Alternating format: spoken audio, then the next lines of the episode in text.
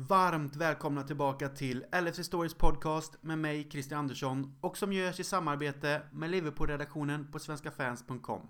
Nu är det dags för det tredje och sista avsnittet i poddserien om spelarna som var med och plockade hem Champions League-bucklan till Liverpool säsongen 04-05. Då målvakter plus försvarare och mittfältare redan avhandlats i två tidigare avsnitt är den här gången fokus på anfallarna. Med mig för att prata om dem är en ny gammal gäst, nämligen Pontus Weinemo. Häng med oss och hör om bland annat Baros, Neil Meller och Cinema Pongol.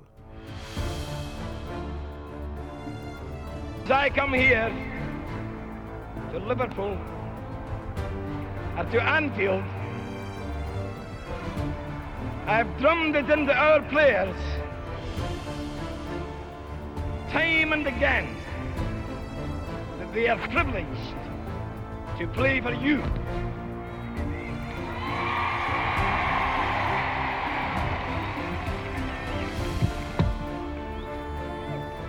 If they didn't believe me, they believe me now. Mella, lovely cushion header. But Gerrard! Oh, you beauty! What a head, son! What a head! Liverpool 3 0. Call it taking quickly, Origi! Ah! Yeah! Yeah!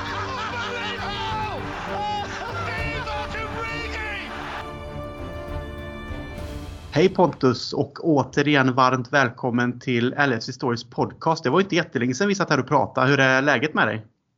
Ja, men, eh, det är bra med mig, tack. Eh, och kul att vara, vara tillbaka. Det här är ju ett favoritämne. Va? Ja, precis. Så att, eh, det blir säkert ett grymt snack igen. Vi pratade ju som sagt om eh, målvakter och försvarare i Champions League-upplagan 04-05 senast du var med och sen dess har jag ju hunnit avhandla även mittfältarna med Tobias Hysén och så fick du komma tillbaka nu och vi ska ju prata om anfallarna som var med så att vi någonstans sluter cirkeln i den här poddserien och det blir väl kul tänker jag. Ja, Men verkligen. Det är väl, eh, får man slå in bollen i mål, eller vad man ska säga.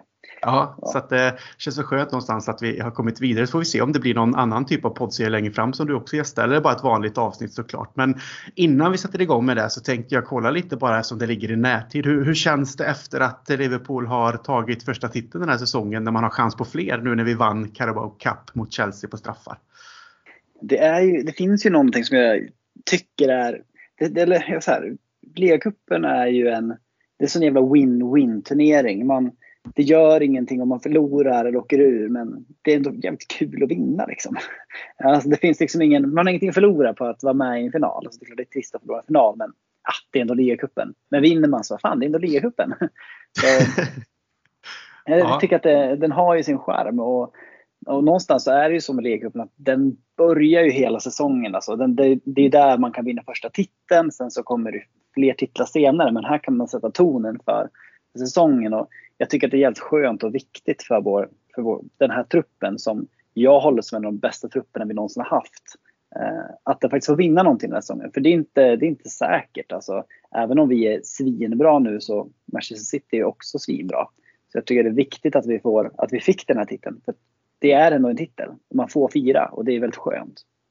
Mm, jag håller med dig. Jag just det här, eh, och många har ju sagt det och eh, du håller säkert med mig. Jag tror att många lyssnare håller med mig också. Just det här att, eh, att, att få vinna en titel såklart men att det här klopplaget såklart förtjänar mer tittare än kanske vi har vunnit hittills. Det är skönt att bara fylla på prisskåpet med, även om det är så kallat ligacupen, så det är skönt att vinna den, ställa den i prisskåpet, kunna bocka av den och så har man med den på CVt längre fram för klopperan. Men också just för Eh, de yngre förmågorna i det här laget att känna på vinnarmentaliteten och vinnarkulturen som bildas kring det. Vi har ju redan de här gamla rävarna som Milner och Henderson och de andra som varit med och vunnit men att det fortsätter visa att det nås framgång med det här laget så att de som fyller på någonstans också får smaka på det för då, då någonstans förs ju den traditionen över på dem framåt när de som är lite äldre försvinner. Om du förstår vad jag menar.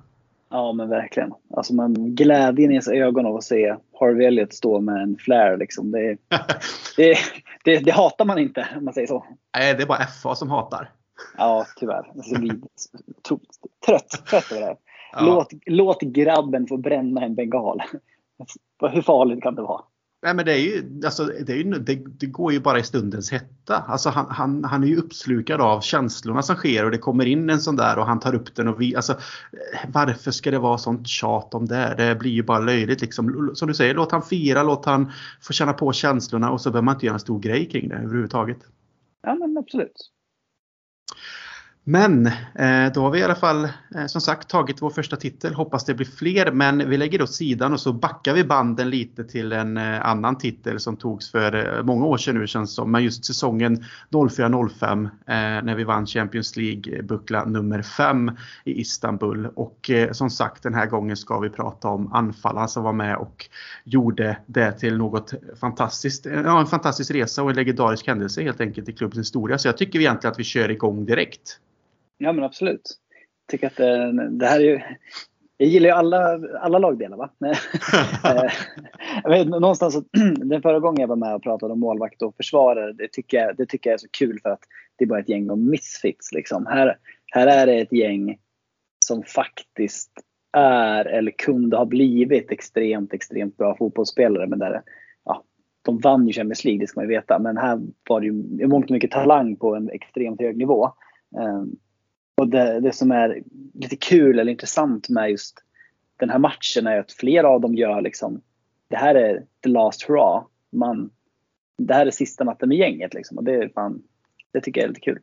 Mm, och vissa, så många egentligen, var ju de här äh, som vi kallar det Oh what could have been eh, på något sätt. Och de hade mycket talang men det blev aldrig kanske som man hade trott och deras karriär gick ju vidare sen för många av dem men det blev ju kanske aldrig så mycket mer än det utan toppen var ju precis som du säger under den här äh, perioden och den här Champions League-bucklan antagligen kanske var då höjdpunkten på deras karriärer. Men vi sätter väl igång egentligen med den första här och eh, först på listan, eh, inte konstigt egentligen, är Milan Baros. Eh, född 1981, så 41 år i år då. Tiden springer iväg. Men eh, jag drar lite fakta, eh, likt vi gjorde förra gången. Och han upptäcktes tidigt när han spelade pojklagsfotboll i mindre lokala klubbar och gick till Banik Ostravas ungdomslag som 12-åring. Han debuterade för A-laget i tjeckiska högsta ligan när han var 17 år och var sedan ordinarie egentligen därefter och drog blickarna till sig från Europa. Han vann år 2000 Talent of the Year inom tjeckisk fotboll så att han eh, gjorde sig ett namn och eh, under sin tid då eh, i eh, Banik Ostravas gjorde han ändå 23 ligamål på 76 matcher. Eh, kanske inte superbra men ändå bra för att vara en ung eh, anfallare på, på väg upp, uppåt helt enkelt. Och sen eh, blev det Liverpool som drog det längsta strået och plockade honom 2002 för 3,2 miljoner pund. Eh, säsongen 02-03 gjorde Barros två mål i sin första Premier League-debut borta mot Bolton. Eh, längre fram fick han väl spela då och då men gjorde egentligen inget större väsen av sig på det sättet.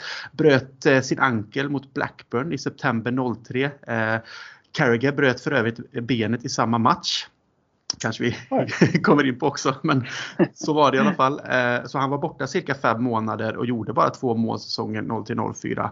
Eh, sen gick han in i säsongen 04-05 som bästa målskytt under EM 04. Det är också någonting som är lite mer häpnadsväckande. Han hade ju en rätt så framgångsrik tjeckisk karriär när det kommer till eh, målantal. Jag tror han gjorde säkert upp mot närmare 50 landslagsmål på 90 någonting matcher. Så det är väldigt bra bedrift. Men med Michael Owen såld och nya anfallaren JBCC skadad så var han den givna strikern, Gjorde 13 mål under säsongen varav två mål i Champions League.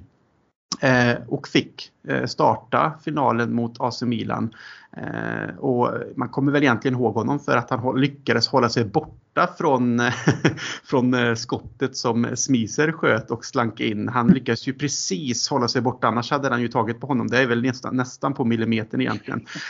Samspelar även med Gerard när han bryter igenom och får straff. Så han har ju sin roll i den här finalen såklart, men byts ut sen ja, mot Cissé 85 minuter. Man ska väl säga ja, också att han eh, i, eh, i, i semifinalen mot Chelsea också ligger bakom med Ghost Goal.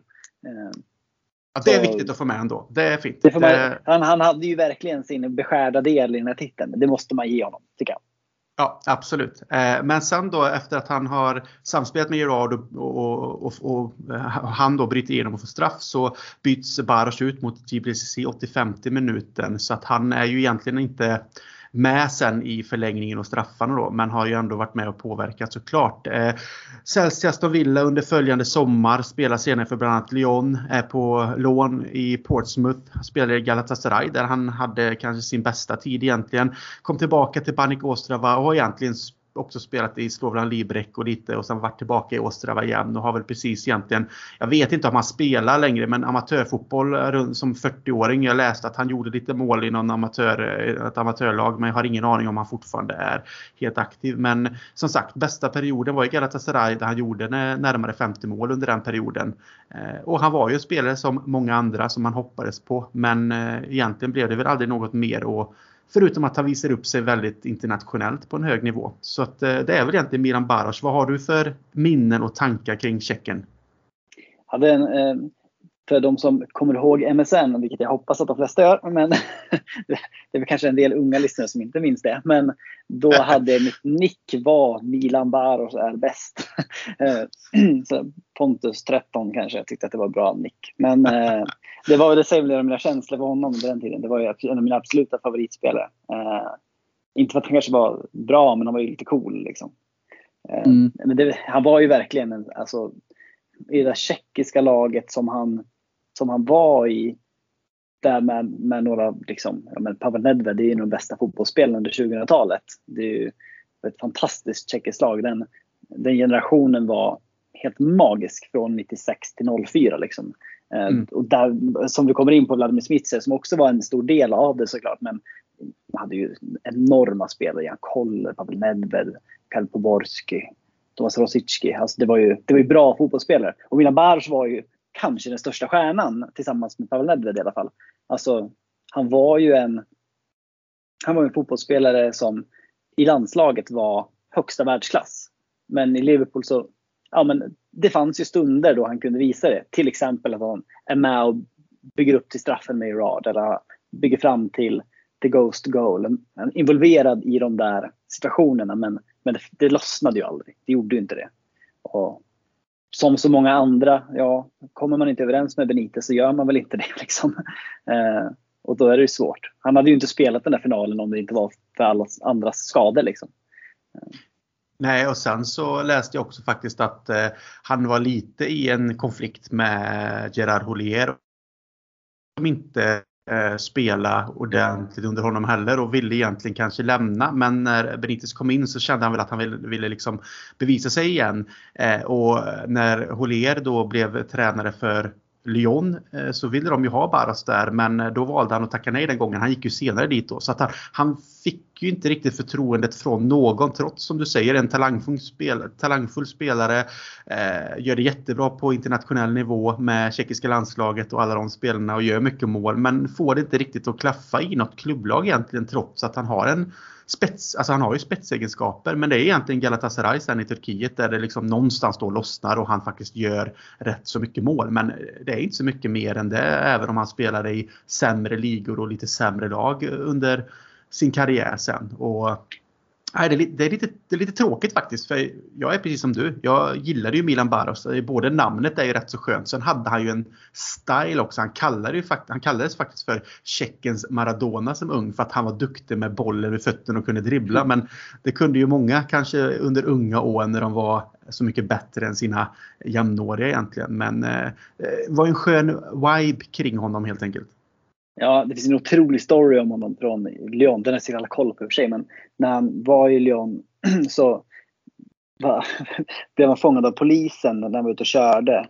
Och det blev av, han blev av med körkort och bil, vilket är inte kul egentligen. Men, men det, är, det här är, det är helt otroligt. Han, ja, jag, jag, jag skrattar för att det slog mig att jag har läst det, men kör! kör. Ja, men han, eh, när polisen stannar honom och de visar liksom så här, Vet du hur fort du körde? Nej, jag, jag, nej vadå? Vad körde jag för fort? Jag hade kört 271 kilometer i timmen. Det, det är det högsta vi har uppmätt i den här regionen någonsin. Så han fick ju ta taxi tillbaka till Lyon när han var uppe och körde i bergen. Liksom.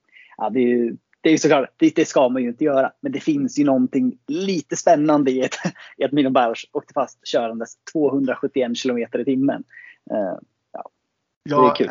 Ja, jag läste någonstans att den andra då som var innan han åkte fast var på var en MC tror jag år 2000 och sånt där. Det kan vara fel men jag tyckte jag läste det och då är jag också lite så här. Visst det är skillnad på krafterna kanske i en MC och krafterna i en bil och en sportbil på det sättet. Men det är ju, det är ju sjukt snabbt och att han också då är den som åkt snabbast. Eh, ja, det, det, det är inte kul på det sättet. Det kunde gått väldigt, väldigt illa för någon annan eller honom själv. Men det är ju en sjuk hastighet och att det är just att han åker fast och sen som du säger får ta den här taxin då. 271 kilometer i timmen. Undrar hur snabbt han har kört som mest. Det är det man börjar fundera på. För det där är ju inte topphastigheten, det kan jag inte tänka mig. Han har ju säkert Nej. gått högre. Men åka ja, fast för det, det, ju, det, ju, det måste ju vara en av de, de, de liksom så här, men, en, av, av stjärnor överlag som åkt fast med högst hastighet. Man undrar, man hade ju, eller jag vet inte om man, man hade ju inte, absolut inte velat sitta med, men man hade velat se hur smal vägen var framför honom i den hastigheten. Ja, man ser ju som framför sig han kör de här små trånga bergspassen liksom upp mot Alperna typ. Det var förmodligen på en motorväg, men det, jag, jag ser framför mig någon form av James Bond biljaktgrej här. Att han liksom börnar på i närmare 300 km i timmen och liksom små får hoppar över vägen för att ta skit. Det, ja. Nej, men, det, det, bidrar ju lite till bilden av mina Baros. Det är en stjärna. Liksom. Alltså, han, är, han var ju det. Alltså, han, har ju, han hade en spelstil som var arrogant. Var, den var alltså, en sexig spelstil helt enkelt. Och mm. det, är väl, det var väl kanske inte alltid det Rafa Benites eh, gillade mest. Liksom. Och, Nej, Benitez finns... känns, det känns inte som att Benitez var någon som gillade så här sexiness liksom bland spelare utan var rätt så, så här, taktiskt drillat och gör ditt jobb. Typ. Ja men precis, borra ner huvudet och kör för fan. Ja. Och det, är så här, ja, det finns ju någon, finns ju lite stories om att Milan Baros ska ha att han, liksom, att han har hotat med att lämna klubben. Där han fick, blev bänkad i ligacupfinalen mot, mot Chelsea eh, samma säsong. Och då mm. sa ja, men då, jag, ja, nej, då, jag, jag lämnar hotellet här och nu. Han har själv sagt att det inte stämmer. Liksom, men, men det, fanns, det florerade sådana rykten under tiden att han var på väg att lämna klubben liksom, mitt under säsong för att han blev bänkad. Och det, mm. Den arrogansen är ju... Det, det finns någonting där. Liksom. Mm, och den, och arrogansen, kan, jag säger inte att den är okej, men man kan ju acceptera den på ett annat sätt om du är en spelare som är arrogant men du också gör rätt så mycket mål. Att du är, alltså så här, men det känns inte som att han egentligen har han, han, är inte rättfärdigad den arrogansen egentligen om du förstår vad jag menar. Absolut inte. Och det är ju älskvärt om något. Det är liksom den nästan, den här, jag kan tänka Andy Carroll hade nog förmodligen samma arrogans. Eller har förmodligen samma arrogans. Spelar ingen roll var han spelar eller hur gammal han är. Men, men det är ju älskvärt. Mm. Ja, Andy Carroll måste vi prata om i den här podden också känner jag. Fantastiskt. Ja, där, finns det väl stories, I guess. Ja, det kan det nog finnas. Det får vi gräva lite i så fall så blir det ett eh, fantastiskt avsnitt. Men eh, åter till anfallarna. Men eh, vi lämnar väl Baros där och inser helt enkelt att det, det fanns mycket där, blev aldrig på det sätt vi hoppades, men var ändå en eh, stark bidragande orsak till eh, att titeln bärgades såklart. Det känns som att den meningen kommer att, åter, eller kommer att sägas om fler spelare i det här segmentet. kan vara så. Vi får be om ursäkt om det är upprepningar men det får man bara ta i så fall. Eh, nästa herre är en australiensare, en personlig favorit eh, faktiskt. Men eh, ja, det blev ju kanske inte heller precis som man hade tänkt sig. Men Harry Kewell, född 1978, 44 år i år och jag har ju satt han som anfallare. Han är ju egentligen kanske mer en vänsterytter från eh, sin unga tid. Eh, han var ju inte så gammal när han kom till Liverpool heller såklart. Men i finalen fick han ju starta mer släpande i ett anfall och sen användes han ju lite i den rollen också under Liverpool-karriären även om han också spelade på vänster. Så jag har satt honom i den här kategorin. Och född och uppvuxen i Sydney såklart i Australien då. Eh, spelade juniorfotboll för Smith Smithfield Hotspurs som idag heter Fairfield Hotspurs. Eh, fick chansen eh, som ung att resa till Europa med sitt eh, vad ska man kalla det? De har ju olika eh, states där nere kan man kalla det och fick åka dit med det laget då och möta klubbar som till exempel Milan. Eh, och där eh, blev han väl upptäckt eh, kring de typen av matcher och erbjöds provspel senare med Leeds United som 15-åring då tillsammans med Brett Emerton som var i Premier League senare och som kom till Feyenoord eh, ung. Eh, det gick ändå bra och han accepterade ett kontrakt vilket han kunde egentligen nästintill ta på plats för hans pappa är engelsman och då gick allt i lås med visum och sådana grejer. Samma Eh, väg gick ju inte för Brett Emerton då för att han var ju icke-europeisk och det blev krångligare. Men för Harry så gick det egentligen direkt.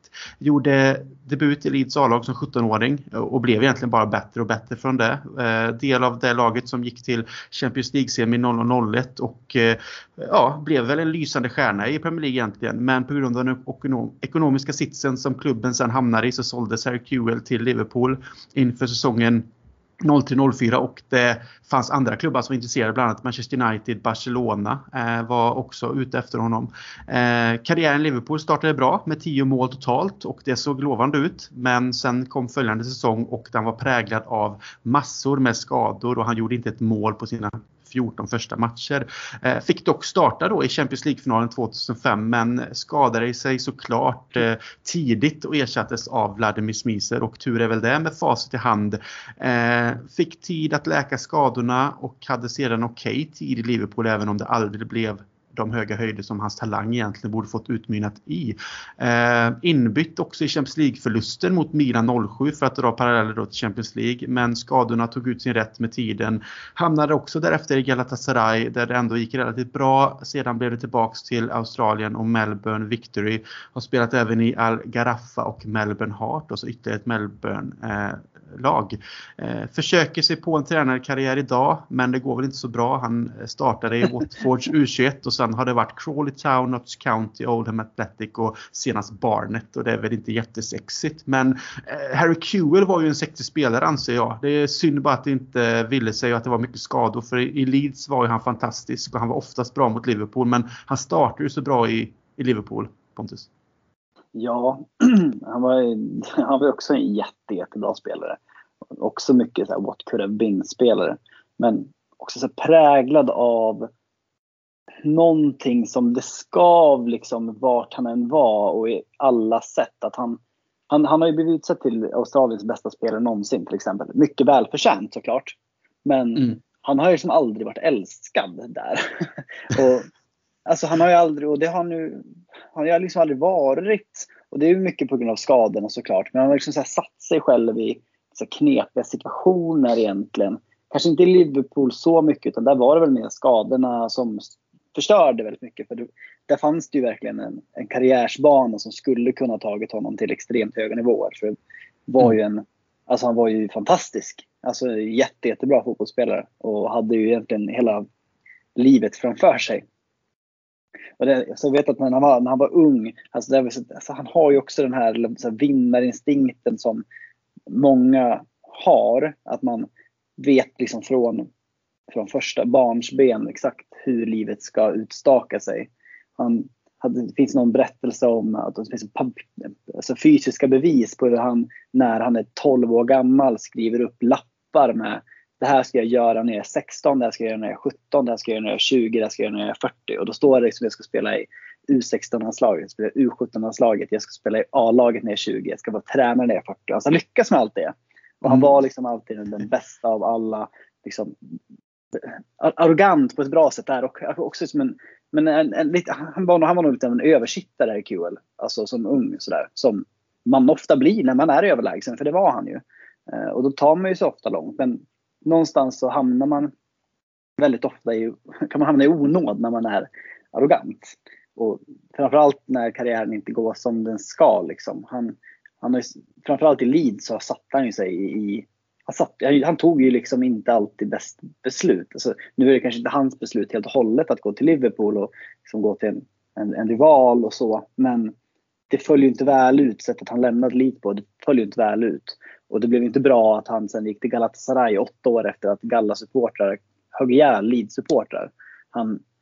det har, liksom, Nej, det har ju skadat hans rykte hos Leeds-fansen. Alltså han hade ju en jättefin karriär där men han har liksom förstört det ryktet. Och någonstans så, han var ju också han var ju liksom ledaren i Australiens gyllene generation. Vad, vad vann de? Tre oceaniska mästerskap och han blev utsedd till Oceaniens bästa spelare massvis med gånger. Eh, alltså han var ju ledare, han var ju, han var ju deras golden boy. Men han, var ju, han blev ju aldrig en Tim Cahill i Australien. Han, han var, hade det liksom tufft, mycket på grund av skadorna men alltså jag vet till exempel att han, en av hans sista skador innan han slutade, det måste ha varit typ 2010 eller någonting. Eh, det var, då, då låg han under kniven i Sydney och tv-sände liksom sin, sin operation för att bevisa för fansen att jo, men jag är faktiskt skadad på riktigt. Det är inte bara någonting jag säger att jag är. Jag är skadad. För det blev liksom den här, nästan lite sådär som Fredrik Ljungberg-grejen i Sverige. Att ja, men han står hellre i kalsonger på Times Square och liksom poserar som modell än spela fotboll för landslaget. Nu blev Fredrik Ljungberg superuppskattad och älskad i Sverige. Men den retoriken fanns ju liksom mot Harry Kewell. han var bara skadad, du kunde aldrig spela i Australien men du, men du kan stå kalsongmodell för Colin Klein eller vad fan det var för märke han hade. Eh, så han hade liksom en, en, en, alltså varit en brokig karriär av för en spelare som, som borde liksom vara älskad för den otroliga spelare det var och den talangen han hade. Men där det liksom har blivit Alltså att han, han är liksom inte älskad i Australien. Och det är ju någonting skevt i, i det. Och att, det är lite synd. Det är synd, Ja, för det är precis som du säger och vi har varit inne på här nu att han kom fram så talangfull i Leeds eh, och eh, satte egentligen en prägel på det här laget direkt och var ju en del av det här framgångsrika laget med, med Mark Viduka, Alan Smith och Rio Ferdinand och eh, liksom Lee Boyer och alla de där på Robinson som kom fram unga, duktiga. Och jag kommer ihåg att man själv tyckte fan den där Harry Kewell alltså, han är riktigt bra och även om man inte var jättegammal då, man var väl någonstans runt ja, tonårsåldern och tänkte att fan, han skulle man ha i Liverpool. Sen så kommer han till Liverpool när Leeds börjar sälja av massa spelare och, och, och de flesta i det laget kunde nästintill välja lite vad de ville för att de hade de var unga, de var talangfulla, de har bevisat sig på hög nivå. Och så kom Q till Liverpool och eh, är ju även uttalad Liverpool-sport från barnsben. Han höll ju på dem när han var, var ung så att han, han var ju också så här, åh, liksom få komma till Liverpool och vi får honom och tänka liksom, han har ju så lång tid kvar av sin karriär. Men och så få en bra start. Han gjorde ju mål mot Everton i något derby. Han dunkade in något mål mot Tottenham eh, som var fantastiskt. Och så tänker man det här kommer kunna bli något. Liksom. Eh, första säsongen och, och tio mål totalt är ju bra för någon som är en ja, släpande forward eller vänsterytter då som han spelar också. Eh, men sen var det egentligen bara präglat av skador och eh, han fick ju fansen emot sig i, även i Liverpool för att det bara var liksom, han kan ju knappt komma in på planen i en match och var, var återställd för en skada innan han fick gå ut med en annan skada och hade stora problem. Och precis som du nämner också det här med att han, han var nästan så att han hela tiden behövde bevisa för fansen att han faktiskt var skadad. Det är ingenting jag bara säger och till slut blir det ju en sån här spelare som ingen riktigt orkar med för att han finns aldrig tillgänglig. Och det är synd, precis som du säger, just att det blev så både i Liverpool men också i Australien då. Eh, för att egentligen ja. tycker man att hans talang skulle fått blivit någonting mycket mer. För han var en fantastisk fotbollsspelare. Han var ju egentligen the perfect match för Liverpool. Liksom. Liverpool som har ju en tradition och en, liksom, ofta en vilja också att ta in spelare som speglar staden. Alltså, många av de spelarna som kommer till Liverpool, som när jag senast pratade om Jersey Dudek som uppvuxen som man är i Liverpool. Alltså det är en, en, likadan, en, en likadan typ av uppväxt i samma typ av kvarter. Och Harry har ju samma uppväxt. Han är också uppvuxen i, i arbetarklassområden och i, i, i de västra delarna av Sydney. Så det var ju en perfect match. Det, alltså en, det var ju nästan som att, jag vill inte, vill inte dra, dra det för långt, men det är så här, nu fan, här har vi ju, det är ju John Barnes vi har liksom. Eh, men eh, ja, det var ju lite synd att det, det, det aldrig blev vad det kunde ha blivit. Liksom.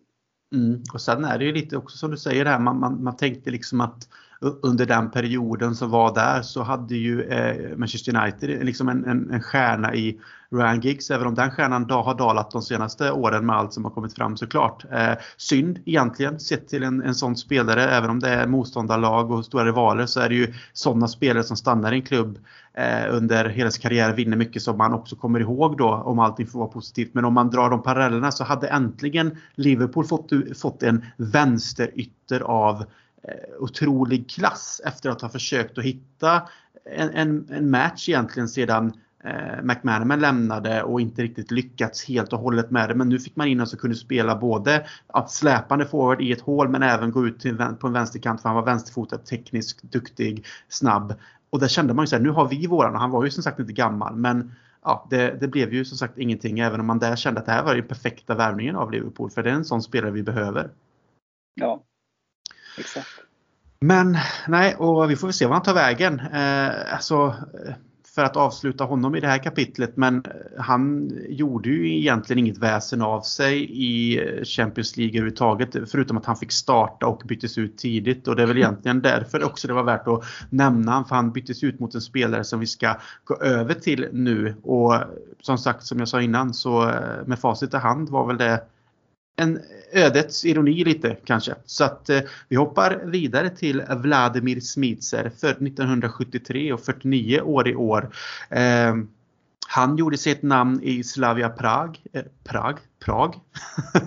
det blir det blir försöka uttala det på tjeckiska här, jag vet inte. Slavia Prag där han hjälpte dem till eh, semifinal i Uefa-cupen 95-96.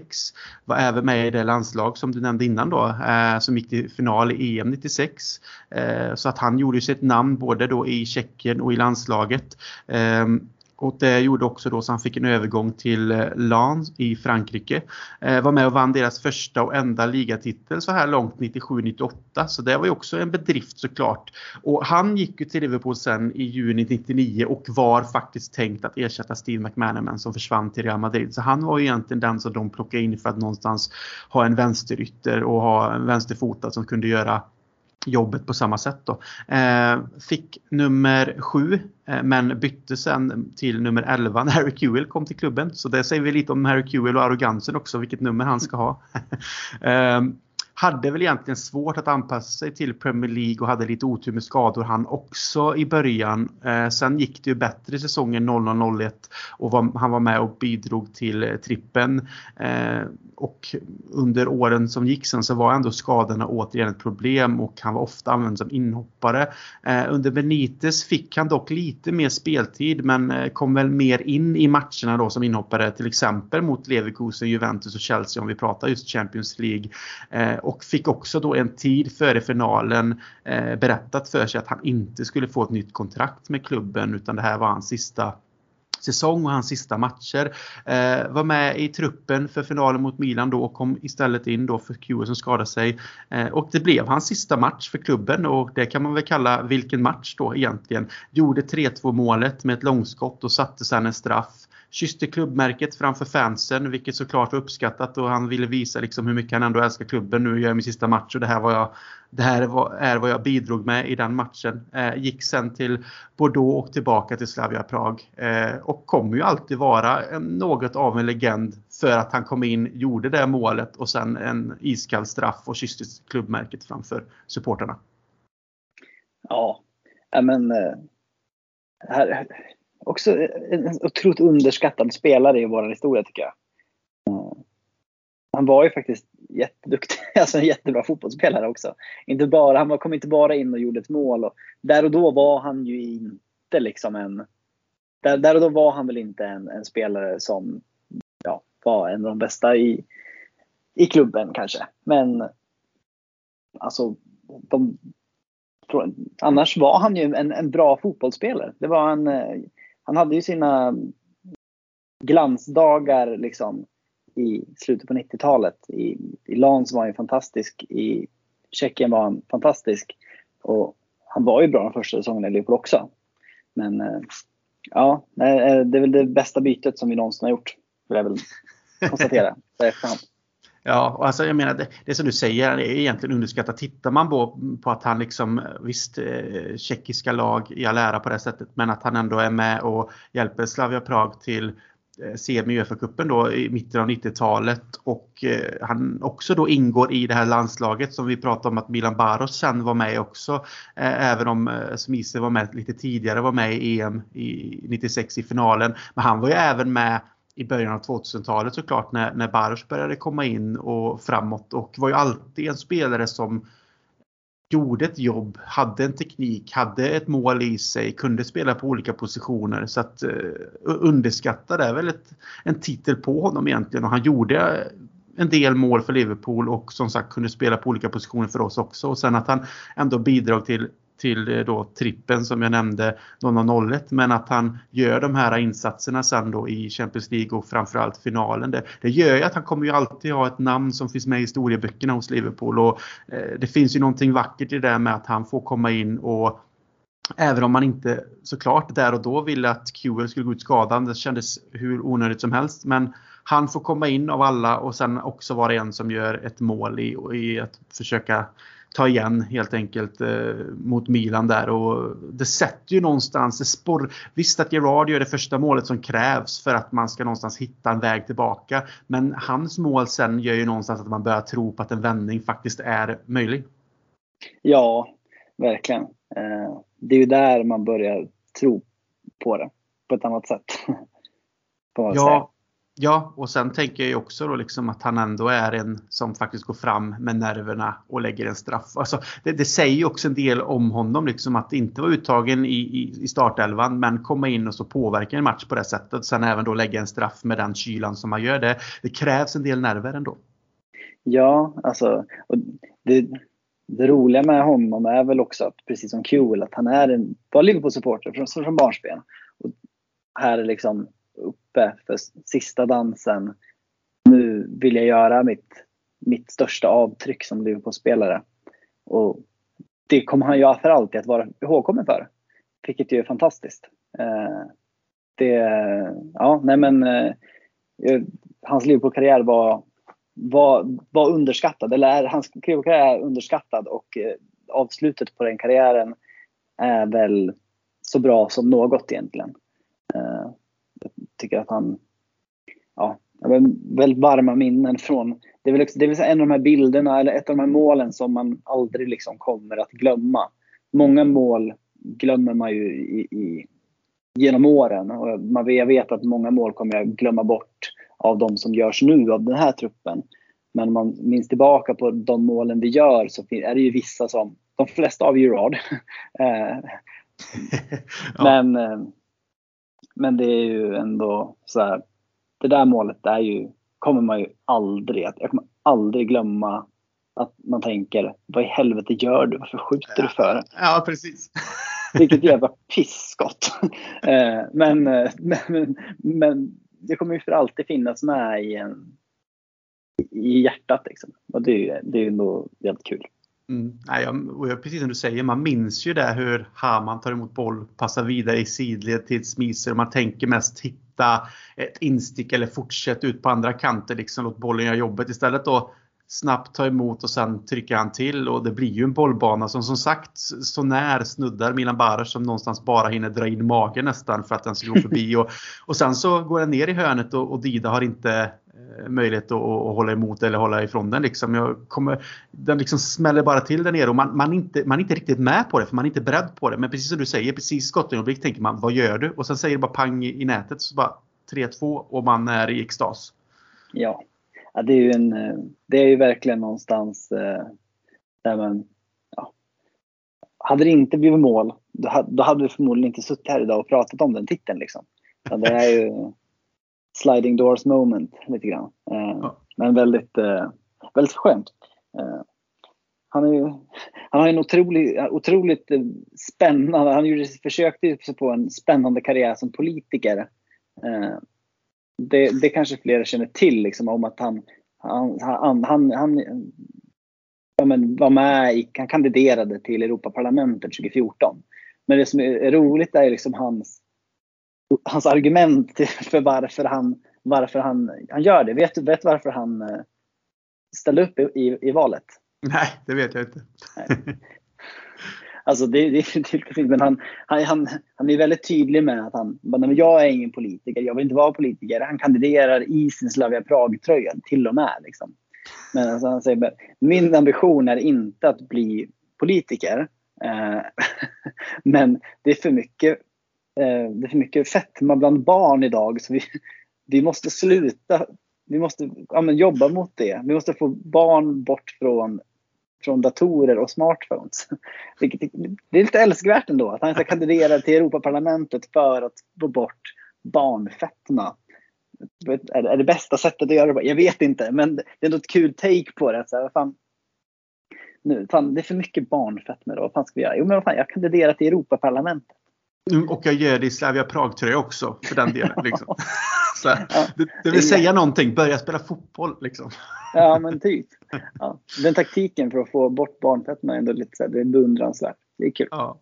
Och sen får man väl ändå ge honom också att han, han figurerar ju ofta i sammanhang när eh, Liverpool Legends spelar. Han har ju varit med en del och spelat både sådana legendmatcher då för Liverpool mot, mot andra lag här eh, genom åren efter att han la skorna på hyllan och även varit med i lite så här ja, men så här five side turneringar bort i Asien med bland annat Patrik Berger också då som är check och eh, ah, jag kommer inte ihåg nu vilket det var, McAteer också några andra. Så det är ju några i den där åldern som någonstans ja, närmar sig 50 nu då eller är runt där som eh, har åkt runt och spelat lite. Så han har ju hållit sig ändå i form själv och liksom kunnat vara med i de där sammanhangen. Så det är kul att han ändå någonstans har kopplingen till Liverpool kvar trots att man, man kanske glömmer bort han lite förutom då insatserna i, i finalen. Men att han, han ändå är fortsatt liksom gillar att komma och spela legendmatchen, har ställt upp i de här turneringarna och, och, kopplingen finns där och att man ser honom lite i Liverpool-sammanhang även om det är ett antal år sedan nu som han, som han lämnade klubben.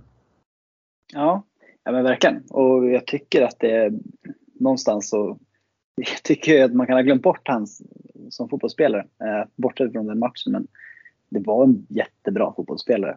Och de här, det här laget som Liverpool hade i början på 2000-talet.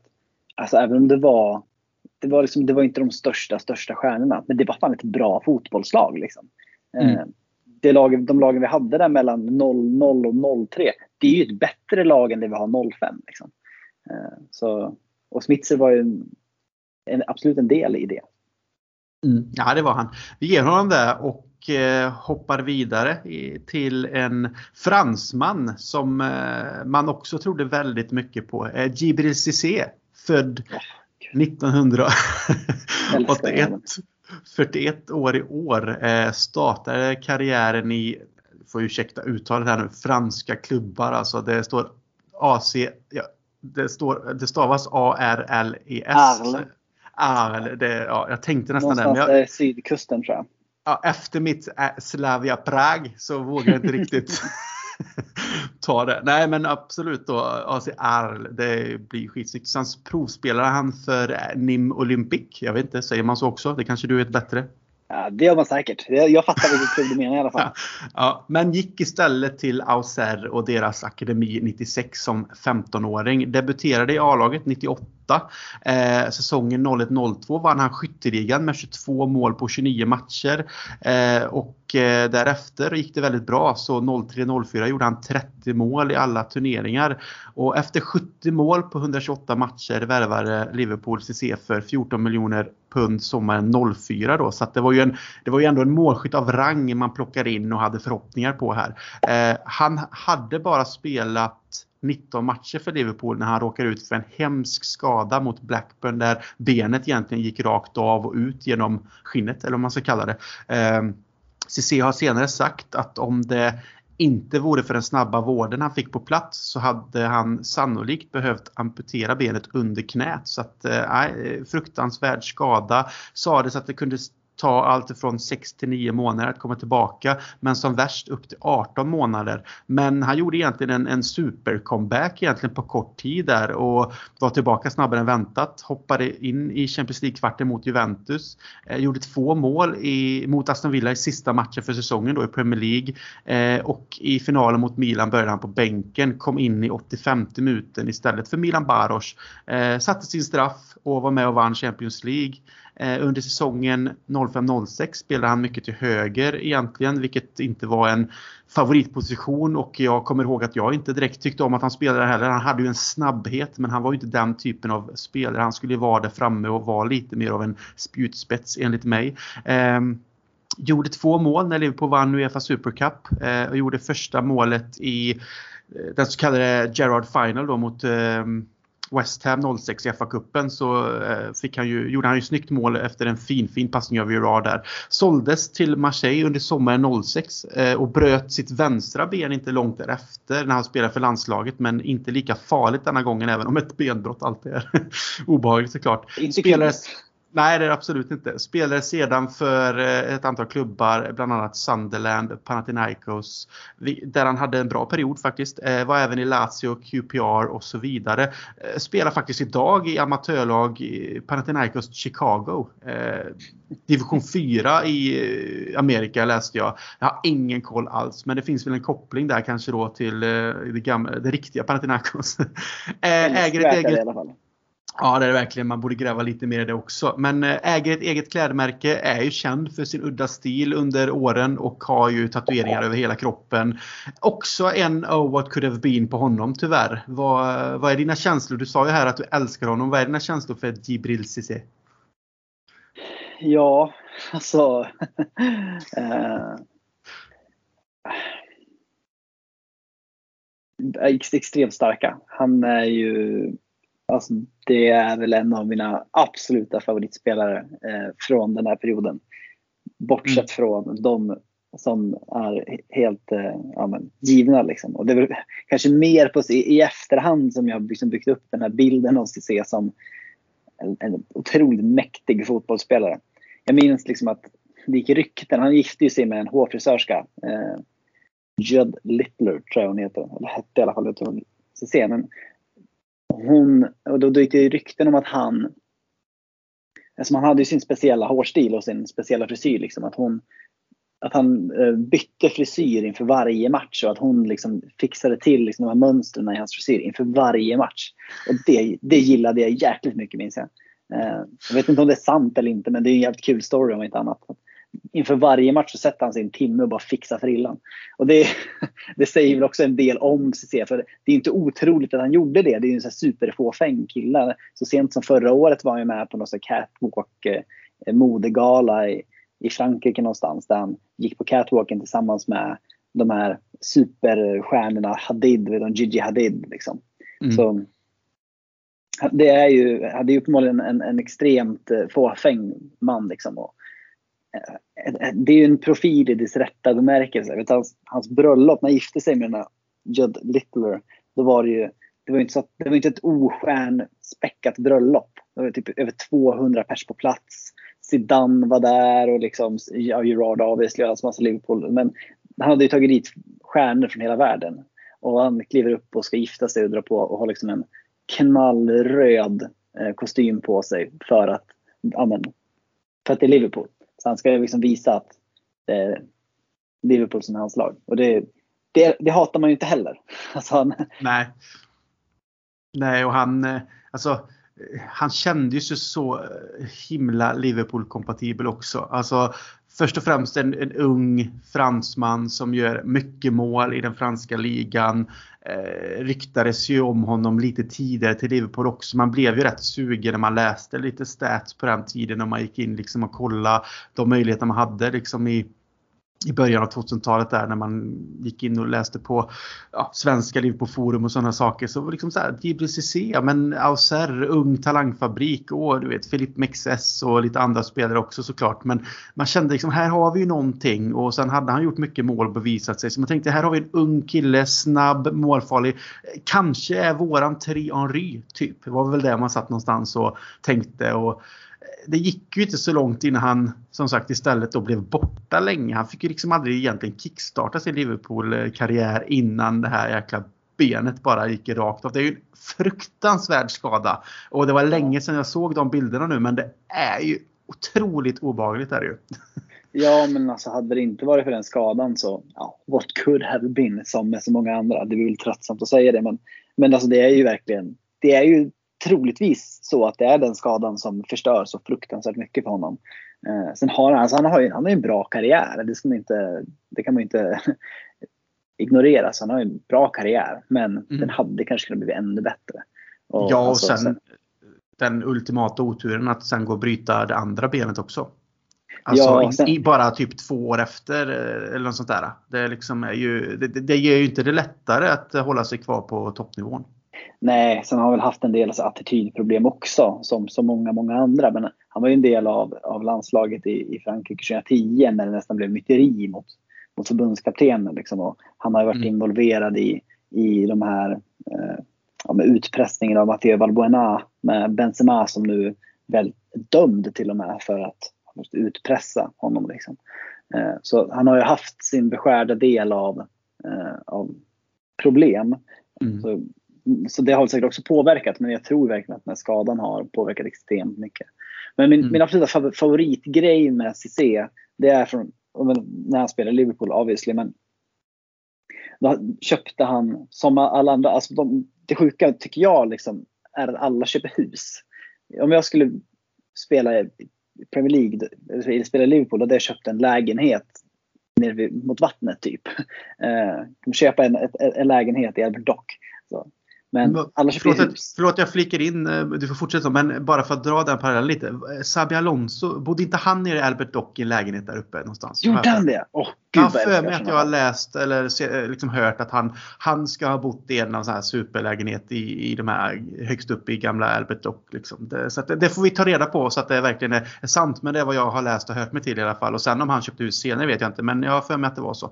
Förlåt, fortsätt din. Jag vet att Danny Sturridge bodde väl också i lägenhet i stan. Liksom. Men alla köper hus. De bor ute, utanför stan. Jag förstår att det är svårt att röra sig i stan om man är mm. spelare i Liverpool. Det, så är det ju. Man blir ju igenkänd känd överallt. Liksom. Men han köpte ett hus i alla fall, som alla andra gör. Eh, och han köper liksom inte vilket hus som helst. För det är ju Julius Cissé. Han köper inte vilket hus som helst. Han, han köpte en, en gård eh, i alltså en Forsen kan det heta. Eh, inte helt säker på namnet men ligger så strax söder om Runcorn, nästan halvvägs mot Chester. Liksom. Mm. Eh, men i, i Cheshire där så många andra bor. Eh, och det här huset kom liksom med en titel. Att äger du det här huset så får du titeln Lord of Manor. Så det är Lord of Fortune. Och Cissé där han är typ 23 år gammal och blir Lord. Vilket ju är asfett såklart. Men det som kommer med att vara lord över en gård är att du är lord för det området. Du är inte bara lord för liksom huset utan det är hela det området som den här titeln berör. Så han, JVCC 23 från södra Frankrike blir liksom Lord of Portion. Eh, där han köper då här, den här gården, eller herrgården eller vad det kan, kan vara, eh, av en, ja, men en typ en greve liksom, eller nästan mm. adlig person. Eh, och då har du ju vissa typer av ansvar.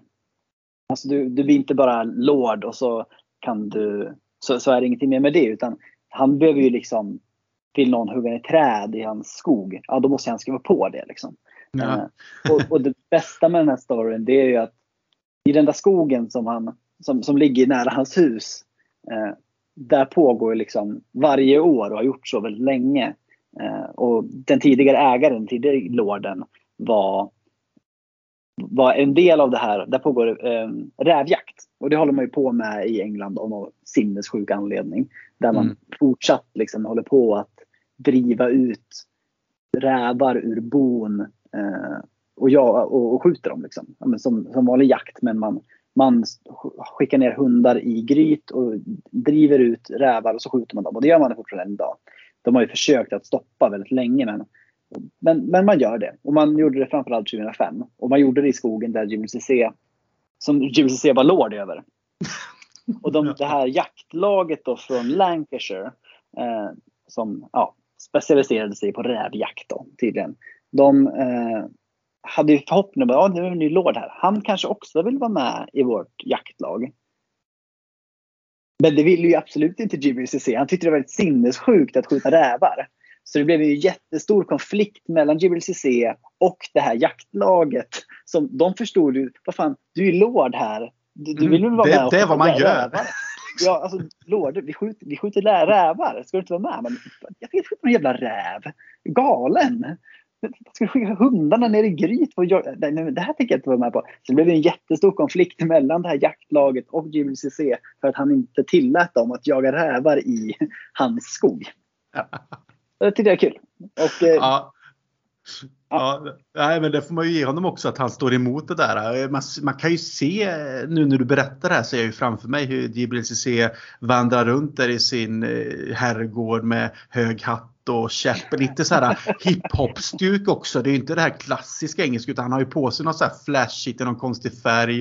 Eh, liksom hans käpp är av guld med någon diamant på toppen och han har eh, så här fejdade solbrillor med någon konstig färg. Så här, jag ser ju han går omkring där och allting är väldigt underligt jämförelsevis och sen då att han också då går ut, liksom, det kanske är någon så lite lerigt och han går i sina fina skor och så säger han till det jaktlaget att nej, här ska inte skjutas några rävar överhuvudtaget. Liksom, här, är, här är det jag som är lord. liksom, nej, det, är, det är en fantastisk story faktiskt. Ja, det, det är min favoritstory med JBCC i alla fall. Förutom då att han ändå får komma in den säsongen som är hans första och han bryter benet men ändå kommer med, kommer in och sen sätter en straff i Champions League-finalen mot Milan. Ja, det, det får man väl säga. Men det, det, han, han, skulle ju inte ens spela den matchen. Han, vill, han, han var inte förberedd på att spela den matchen. Han höll ju på att rehabba för att komma tillbaka till nästa säsong egentligen. Ja, han, var ju, han, han, var ju inställd på att inte spela den matchen. Så mm. det, det har ju också någonting väldigt härligt i sig tycker jag. Verkligen. Och eh, ja, som sagt, han spelar fortfarande idag i amatörlag i eh, Amerika. Så att eh, han håller igång i alla fall den gode CC och vi får se vad vi får se honom efter karriären när den väl läggs på hyllan. För eh, eh som sagt, mode och eh, ja, härliga utstyrslar och härliga frisyrer samt massa tatueringar. Han lär ju synas någonstans känns det som. Han är ju inte en sån person som försvinner. Nej, nej det, det, kommer han nog aldrig att göra. Utan det, det, det, ser han nog till att han, han kommer leva kvar i folks medvetanden. Och det tackar vi gudarna för. Mm. Nej, fantastiskt. Kunde blivit så mycket bättre men var ju en, en, en riktigt bra fotbollsspelare ändå. Eh, och sen då väldigt eh, härlig med allting han håller på med utanför då. Och har även varit en lord vet vi nu också. Det är ju fantastiskt. Eh, vi hoppar över till en annan fransman som absolut inte på något sätt vad jag vet är en lord och som absolut heller inte egentligen gjorde så mycket avtryck i, i Liverpool. Men det är eh, Florent Cinema Pongol, eh, född 1984, inte jättemycket äldre än en själv, två år bara, 38 år i år då. Eh, kom fram i Le Havre tillsammans med kusinen Letalec som eh, Tobbe och jag snackade om eh, i senaste avsnittet i den här poddserien. Eh, de båda imponerade i U16-EM och U17-VM för Frankrike och blev väl utsedda egentligen till de bästa spelarna tillsammans i de här turneringarna och fick väl som alla andra på den där nivån stämpeln som nya Henry och nya Zidane egentligen. Liksom. Det väl, var väl det någonstans också, både de här insatserna och att det var liksom någonting stort på gång där som fick Liverpool att värva dem och låta Låta dem stanna kvar i Le Havre. Jag kommer inte ihåg om det var en säsong eller två säsonger till och med. Men de fick vara kvar där, utvecklas och sen hämtade Liverpool hem dem. Och eh, för Cinema Pangol då så eh, lyckades det ju han aldrig egentligen förädla sin talang i Liverpool på något sätt. Han spelade väldigt sällan. Eh, men de flesta Liverpool-supportrar kommer ju ihåg honom för just inhoppet och målet mot Olympiakos under gruppspelet. Det är egentligen det enda minnet jag har av honom också. Eh, han fick inte plats i truppen inför finalen, var inte med och figurerade så mycket vad jag vet heller i, i själva slutspelet. Gick på lån till Blackburn i januari 06, gjorde bara ett mål för dem. Han skulle få lite då erfarenhet av att spela förstalagsfotboll, gick ju sådär. Såldes vidare till Recreativo i Spanien men där gjorde han ändå 22 mål under två säsonger och fick väl någon så här, åh nu kanske det startar liksom. Han var ju inte gammal eh, ändå liksom där och då. Eh, så att han fick en transfer till Atletico Madrid. Var väl med och spelade mycket men gjorde inte mycket mål. Han var väl någonstans också i den här precis i, i den fasen där Atletico Madrid började komma tillbaka och hitta någonting men han fick aldrig riktigt vara med på resan helt och hållet. Sedan blev det Sporting, Zaragoza, Saint Etienne Eh, också Chicago här, Chicago Fire ser jag så Dundee United bland annat. Men eh, fick egentligen aldrig någon Alltså han har spelat ända tills typ nyligen men har ju aldrig egentligen haft någon superkarriär. Och, ja, och vi Liverpool-supportrar kommer egentligen bara komma ihåg honom för målet mot Olympiakos. Vad, vad har du för minnen av den, av den fina Florén? ja, nej men det, var, det, är väl, det är väl att han var en talang egentligen. Alltså, målet mm. mot Olympiakos är ju såklart det enda avtrycket han gör som fotbollsspelare i Liverpool. Men, men det var ju en jättehype runt honom. Eh, mm. Han var ju fantastisk liksom. När han, det var ju det var U17 EM när de förlorade finalen mot Spanien och Torres mål i finalen gör att Torres vinner skytteligan och inte Cinema Pongol. Så Mm. det var ju på den nivån, i talangnivå, vi pratade om. Eh, och ja, Letallek var ju såklart också fantastisk, men Pongol var ju en, ja, det var ju en målgörare på ett annat sätt. Eh, så det var ju en jättejättetalang. Eh, vet du, kan, du storyn om Cinema Pongol och Letallek? Nej, nej inte, det beror ju på vilken story. Men du får jättegärna berätta om du sitter på en story. Det är som vanligt. Bara berätta. Ja. Eh, nej men det är ju alltså, han är ju från Reunion, alltså en, en ö i, i Stilla havet. Me- Mellan typ Mauritius och Madagaskar. Eh, där han är väl från Saint-Pierre tror jag huvudstaden där heter. Alltså det är en ganska stor, alltså det bor typ 800 000 på den ön. Oj, Eh, ja. så det är ganska stor, det är en del av Frankrike men det, är, ganska- det är ganska stort. Liksom. Mm. Men han, eh, han ja, kom ju fram som en jättetalang där och fick spela mot Le Havre när Le Havre kom ner till ön och eh, ja, men, skulle träna. En tävlingstid. jag var med i någon turnering. Liksom. Och då, I den turneringen så blev Cinema Pongol utsedd till, eller han gjorde flest mål och eh, Anthony Letalek eh, blev utsedd till turneringens bästa spelare. Letaleks farsa då inser att vad fan, Cinema Pongol, det är ju ett det är ändå ett namn jag känner igen. Så han börjar fråga, typ, gå fram till den här ungen, den unga killen som spelar i, i motståndarlaget och frågar så här, men, eh, för, för, som för övrigt är Saint Pierrois där också Djibril Cissé har spelat på Reunion. Eh, Mm. Den kopplingen mellan Cissé och eh, Cinema Pongol är fin. Men Ja. eh, ja, den, den har inte så mycket mer än så. Men eh, ja, så när, när Detaleks farsa går fram och säger vad, vad- heter din farsa egentligen? Säger han till Cinema Pongol. Och Pongol säger, ja, men, ja, ja, men min farsa heter si och så. Eh, så du, det kan vara så att eh, ni två är kusiner. Du, så, liksom. så den bästa spelaren, den bästa målgöraren i turneringen, där den ena spelaren kommer från Frankrikes fastland och åker till, ja, till den här ön där de möts. Eh, visst att de är kusiner, vilket är helt sinnessjukt Mm. sätt. Och det, det, det är så det kommer sig att, att Sino Pongol överhuvudtaget flyttar till, till Frankrike. För han bor ju hemma hos dem liksom, och blir bästis med Detalek. Som är, och de blir som bröder. Men de är, det är ju så, de helt enkelt hade ju ingen aning om att de, om att de fanns innan de den här turneringen Vad- och var bäst på, i turneringen. Liksom. Men vad är oddsen liksom? Alltså, vad, Jag så menar så det.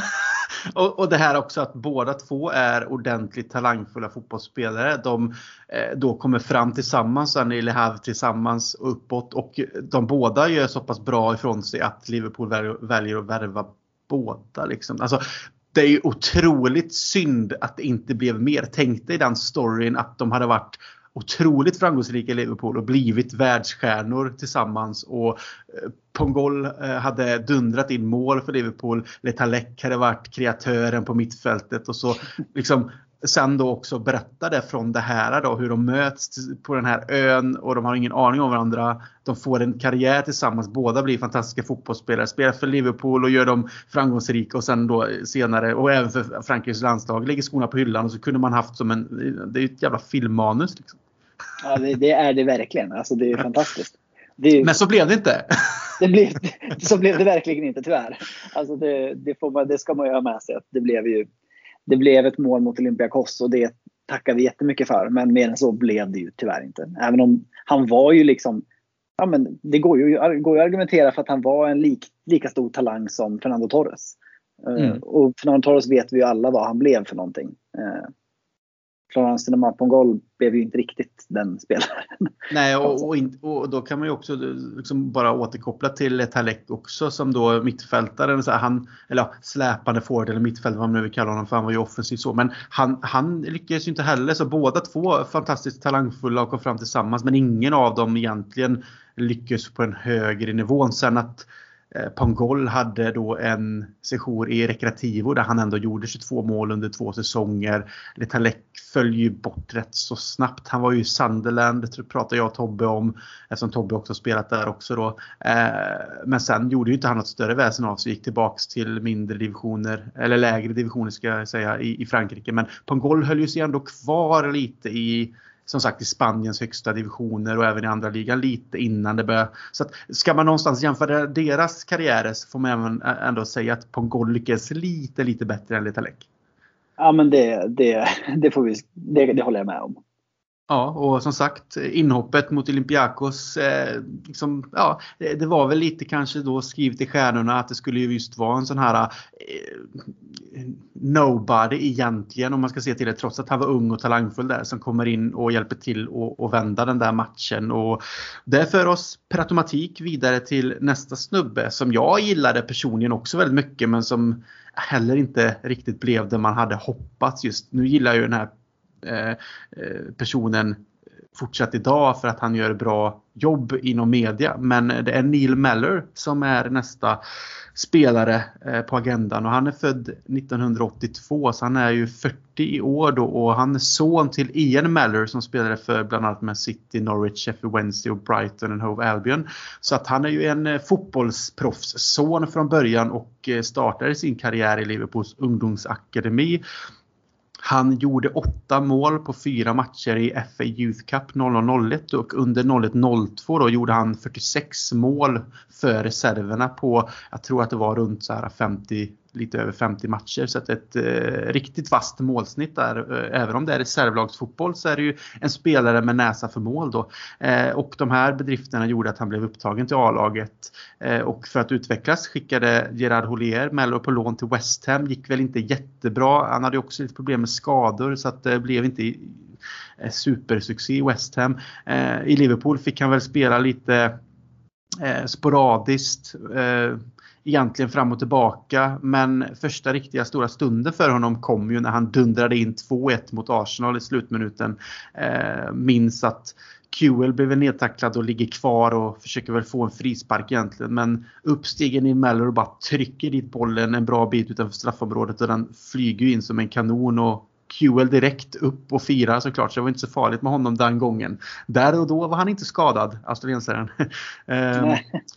och sen då så tio dagar senare efter det här målet mot Arsenal så kommer han också in då och gör mål mot Olympiakos och är med om den här vändningen som blir eh, också klassisk. Och han är också den spelare som nickar ner till Gerards mål. Så det är han som någonstans då sätter upp den för Gerard när han trycker till på, på halvvolley och gör det där otroliga målet. Så han spelar ju ändå en stor roll under den säsongen och eh, just under Champions League-sessionen där. Ehm, i mars 2005 var säsongen över för Melodox efter att han fick operera bägge knäna som jag förstår det. Det är också en tecken på inte den bästa kroppen kanske för fotboll om det är Nej. bägge knäna som man måste åtgärda. Så därför fick han ju heller inte vara med i, i sista delen av Champions League när man tog hem pokalen i Istanbul mot Milan. Utan han fick ju någonstans bara stå vid sidan av och titta på. Eh, och sen hände det inte så mycket mer. Han gick senare till Preston North End och spelade ändå 130 matcher för dem och gjorde 38 mål. Så han har egentligen haft sin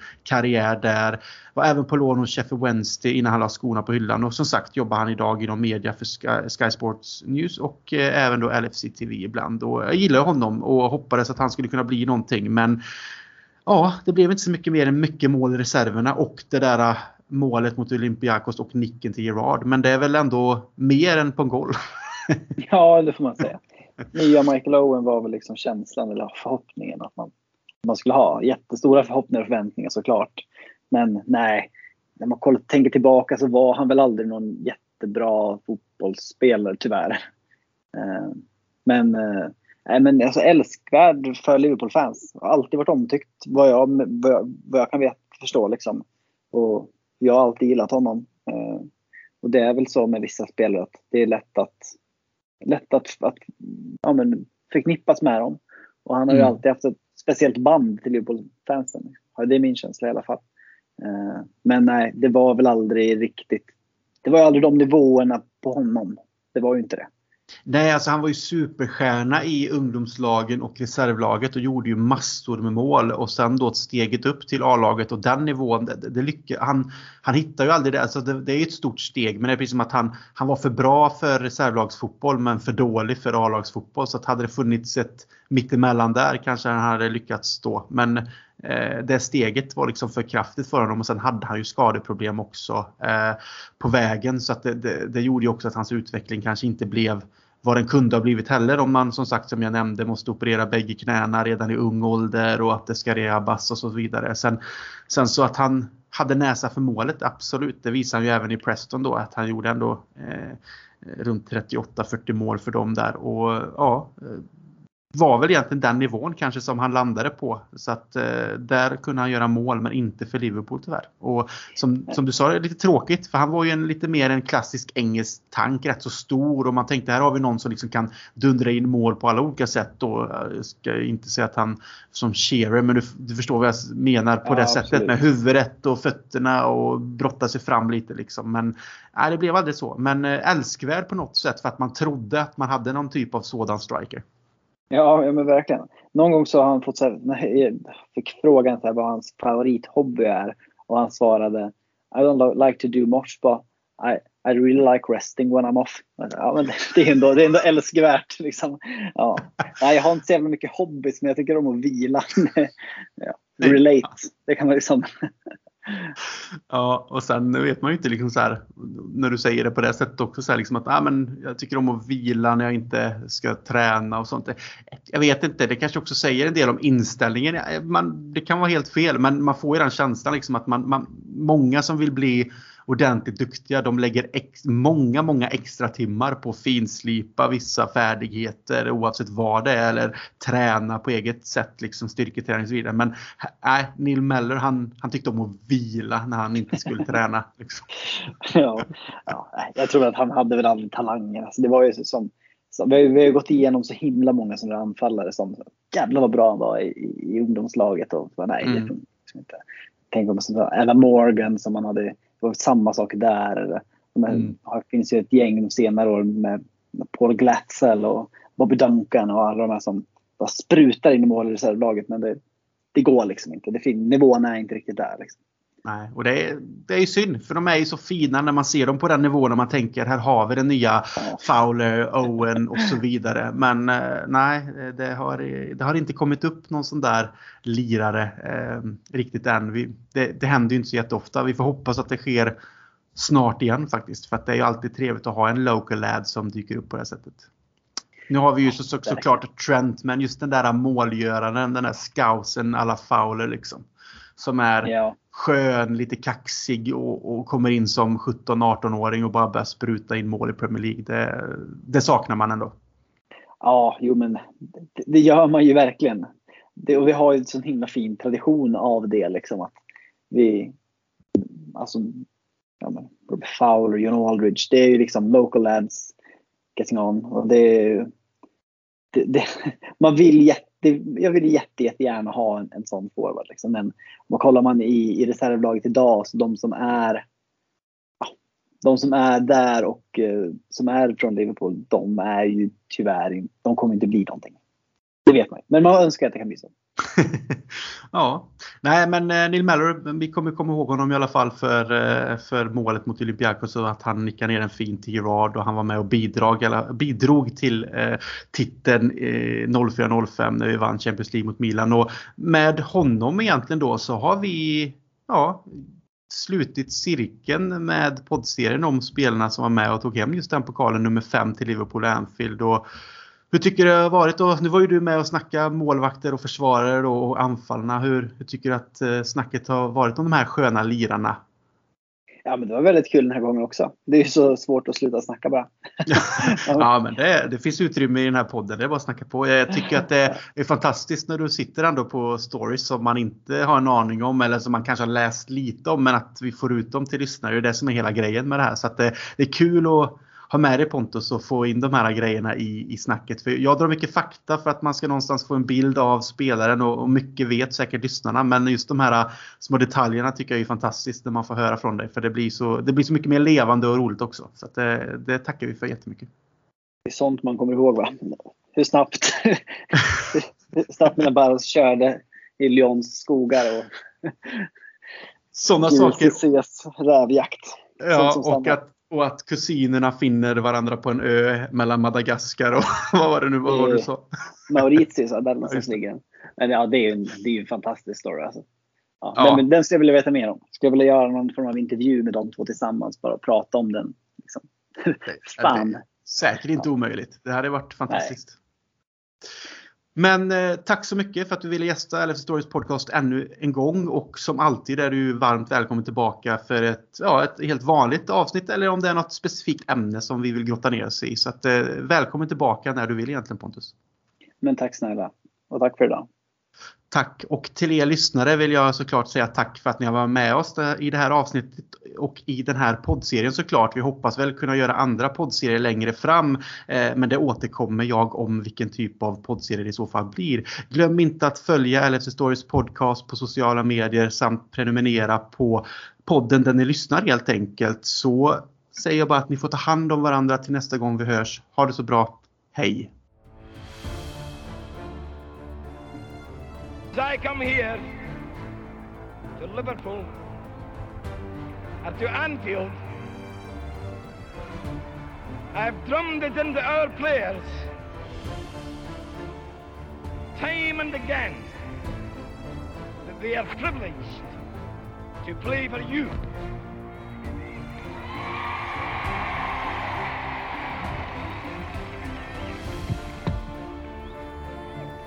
And if they didn't believe me, they believe me now.